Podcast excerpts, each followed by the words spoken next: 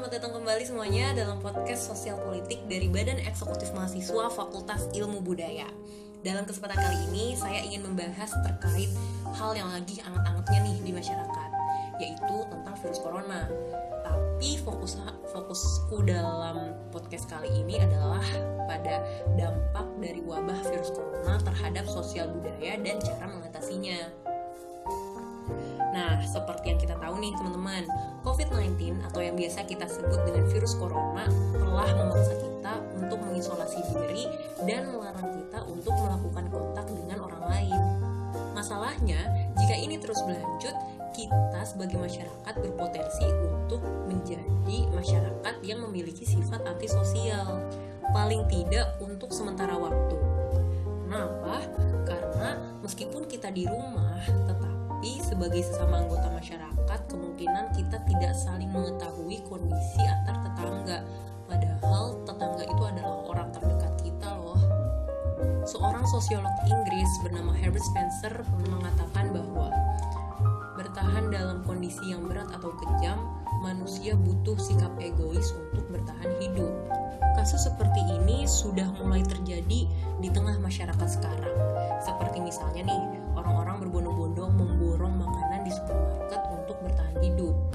Saya pernah membaca sebuah kasus di mana seorang nenek menangis dalam supermarket karena melihat rak-rak kosong di sana. Si nenek yang tidak bisa berlari kalah cepat dengan mereka yang lebih muda sehingga nenek tersebut tidak dapat membeli makanan untuk bertahan hidup. Bahayanya adalah jika ini terus berlanjut, maka akan menimbulkan penjarahan dan kekacauan sosial. Dalam bukunya yang berjudul Dunia Setelah Virus Corona, karya Yuval Noah Harari, seorang sejarawan Israel sekaligus seorang penulis. Ia mengatakan bahwa semua yang kita lakukan saat ini akan mempengaruhi kehidupan yang akan datang. Tersebut bisa berdampak pada tatanan sosial mulai dari pemerintahan hingga pertumbuhan penduduk. Kemudian nanti umat manusia perlu membuat pilihan apakah ingin menempuh jalan perpecahan ataukah jalan solidaritas. Walaupun kita di rumah aja, tapi sebagai makhluk sosial kita bisa loh membuat donasi melalui sosial media untuk saling menolong satu sama lain. Kita juga bisa mengajak warganet untuk meningkatkan kepekaan dan saling berbagi, juga merespon dengan baik bakti sosial yang ada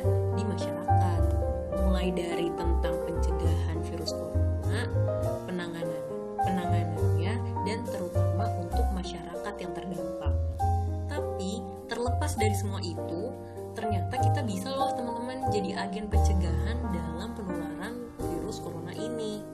Salah satunya adalah dengan cara menjadikan budaya sebagai ujung tombak dalam pencegahan penularan virus corona. Karena sebenarnya ada banyak sekali budaya lama, terutama di Jawa, yang masih layak untuk diterapkan sekarang. Menurut Aji Ulantara, seorang dinas kebudayaan Pemkap dari Sleman, ia mengatakan bahwa ada ada budaya dari Jawa lama yang layak diterapkan oleh masyarakat sekarang untuk mencegah penyebaran virus corona ini. Misalnya, seperti dulu orang Jawa itu kalau mengantri mereka berbaris, berdiri berjejer, dan menjaga jarak dengan orang di depannya. Dengan sifat memegang rasa tersebut, mereka kalau berbaris tidak berjubel seperti semut.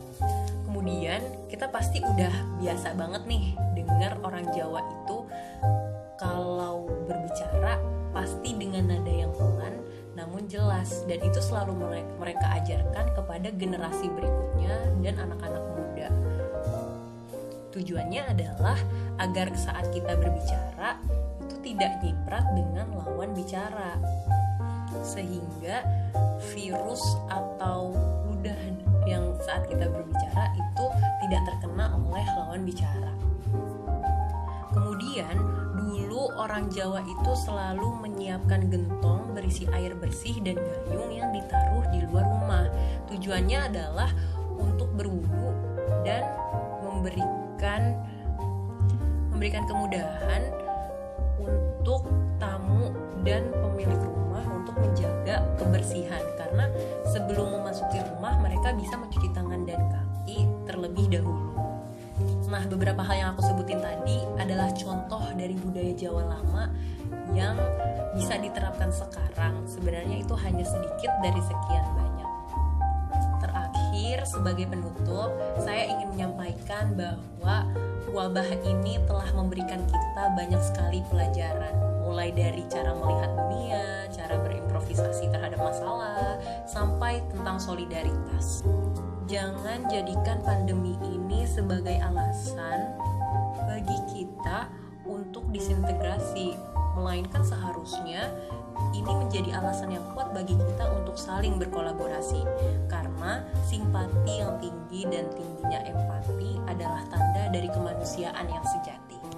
Baiklah, itu saja yang ingin saya sampaikan pada podcast kali Semoga bermanfaat, tetap jaga kesehatan dan selamat beraktivitas yang pastinya tetap di rumah aja kalau emang nggak ada kegiatan yang penting di luar.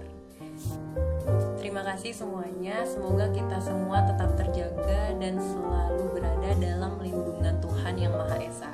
Sampai jumpa dalam podcast berikutnya. Assalamualaikum warahmatullahi wabarakatuh.